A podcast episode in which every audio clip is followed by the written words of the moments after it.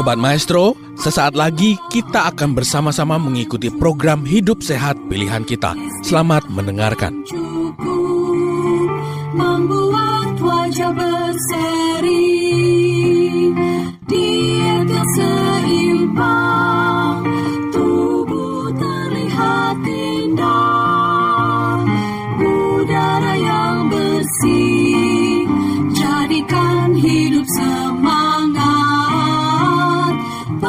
pengendalian diri. Itu pemenang sejati. Hidup sehat anugerah Tuhan. Hidup sehat sangat berharga. Sepuluh hukum kesehatan. Hidup sehat pilihan Shalom. kita. Salam sejahtera untuk saudara-saudara, teman ataupun sobat-sobat sekalian. Dan pada saat ini kita akan membahas tentang energik berolahraga dari huruf E. Sebagaimana kita tahu bahwa kita sebagai manusia, sebagai orang-orang yang terus bergerak, kita akan senantiasa perlu untuk yang namanya berolahraga. Selain berguna untuk kesehatan kita, juga akan menambah secara semangat kita juga, juga secara kualitas hidup juga kita akan semakin meningkat pada saat kita melakukan pola hidup untuk berolahraga. Nah, kita sudah belajar banyak tentang 10 hukum kesehatan, 10 tips hidup sehat yang memang sudah Rumah Sakit Advent Bandung canangkan. Hati gembira, istirahat cukup, diet yang seimbang, udara yang bersih, pengendalian diri, sinar matahari dan pada saat ini kita akan juga membahas tentang E yaitu energik berolahraga.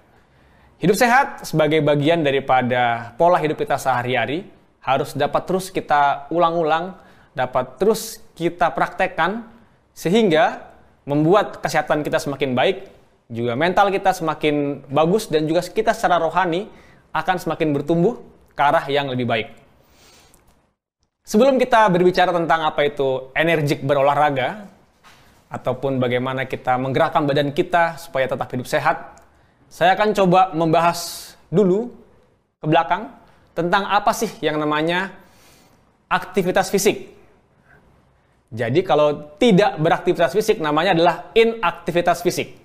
Di mana istilahnya adalah diberikan kepada seseorang yang tidak mencapai aktivitas fisik reguler sesuai yang direkomendasikan. Jadi memang ada istilah inaktivitas fisik atau bahasa kerennya ya mungkin mager ataupun malas ataupun tidak berolahraga. Sebagaimana dianjurkan oleh American Heart Association, 150 menit seminggu ataupun 30 menit 5 kali seminggu bisa langsung dilakukan 150 menit atau dicicil 30 menit sehari selama 5 kali itu adalah suatu standar bagaimana aktivitas fisik yang disarankan untuk mencegah banyak sekali penyakit-penyakit. Nah, pada saat kita tidak mencapai angka ini, nah maka di saat itulah kita jatuh ke dalam keadaan yang namanya inaktivitas fisik, di mana ya eh, pekerjaan kita ataupun olahraga kita itu belum sesuai atau belum sehat. Dari segi negara kita, Kementerian Republik Indonesia sudah juga memberikan beberapa terminologi ataupun eh, kata-kata ataupun jargon yang sudah mengingatkan kita pentingnya untuk melakukan aktivitas fisik ataupun berolahraga. Di mana tadi ada yang namanya inaktivitas fisik atau perilaku sedentary. Jadi perilaku sedentary atau sedentari ini dalam dalam bahasa Indonesia adalah ya tadi seperti saya, saya sudah bilang bagaimana kita jadinya malas, pola hidup yang malas ataupun pola hidup yang mager. Seperti berbaring atau duduk dalam waktu yang lama. Zaman sekarang mungkin karena work from home kita di kantor main laptop, lanjut nonton TV ataupun nonton sinetron ataupun nonton bola dalam jangka waktu yang lama. Mungkin yang kedua, pada saat kita harusnya mengantari anak-anak ke sekolah, mungkin karena kita sedentary, karena kita malas, kita jadi nggak jalan ke sekolah, padahal sedekat, tapi kita pilih naik motor ataupun naik mobil. Itu juga salah satu perilaku sedentary yang tidak sesuai dengan pola hidup yang sehat. Lalu pada saat seandainya kita mau belanja ke toko atau kita mau ke warung atau mau belanja sedikit uh, keperluan rumah, itu juga kita malah naik motor. Padahal harusnya kita masih bisa jalan, jalan santai untuk melakukan aktivitas kita sehari-hari.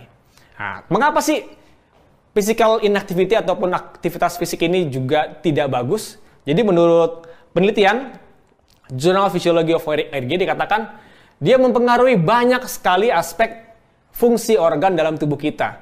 Aspek kardiorespirasi ataupun jantung, paru, untuk otot juga, untuk saraf, juga organ reproduksi, pencernaan, imunitas, tulang dan juga endokrin. Mungkin saya yang ambil di sini tentang bagaimana kalau kita inaktif, kita akan terkena penyakit-penyakit kronis untuk uh, penyakit jantung kita, seperti heart disease.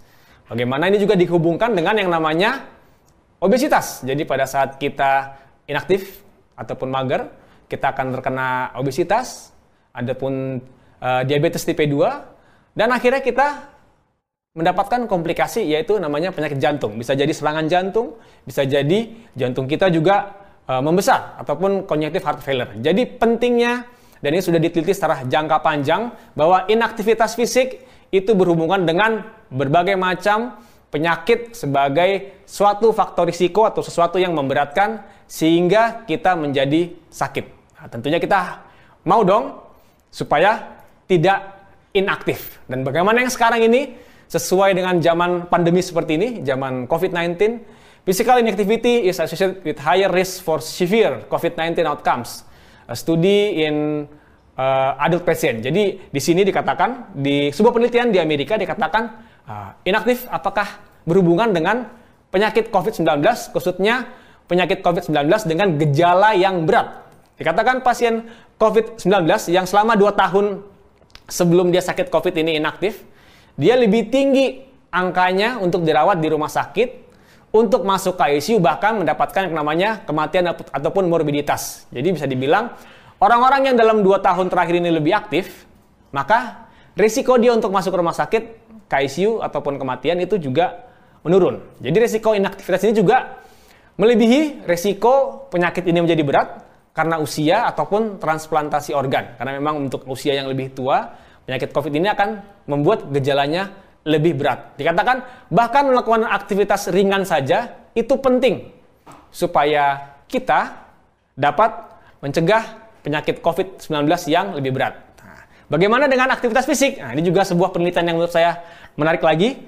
Uh, bagaimana orang yang beraktivitas fisik terserah mau jalan santai dengan binatang peliharaannya ataupun bahkan di kursi roda tetap dia berolahraga ataupun pergi belanja tadi naik sepeda, naik turun tangga, bahkan mungkin orang tua yang pakai tongkat dapat menurunkan bagaimana pasien supaya dirawat di rumah sakit dan kematian.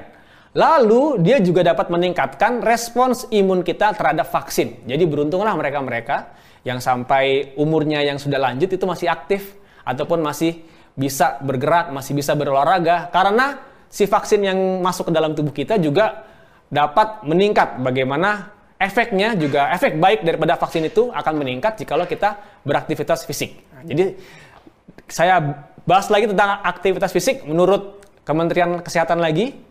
Ini dari negara kita, seharusnya kita tinggal mengulang-ulang lagi nih. Karena memang sudah banyak digaung-gaungkan oleh negara kita. Aktivitas fisik merupakan gerakan tubuh yang diakibatkan kerja otot rangka dan meningkatkan pengeluaran tenaga serta energi. Jadi penting untuk kita bergerak, otot-otot kita bergerak, terserah mau di sekolah, mau di tempat kerja, mau di rumah tangga, itu itu dalam waktu kita sehari-hari. Kita senantiasa harus bergerak. Dibagi tiga, aktivitas ringan, aktivitas fisik sedang, dan juga aktivitas fisik berat. Nah, seperti tadi contoh penelitian yang sangat bagus tadi, bahkan aktivitas fisik ringan saja itu sudah membuat kita semakin lebih baik dan melawan COVID-19.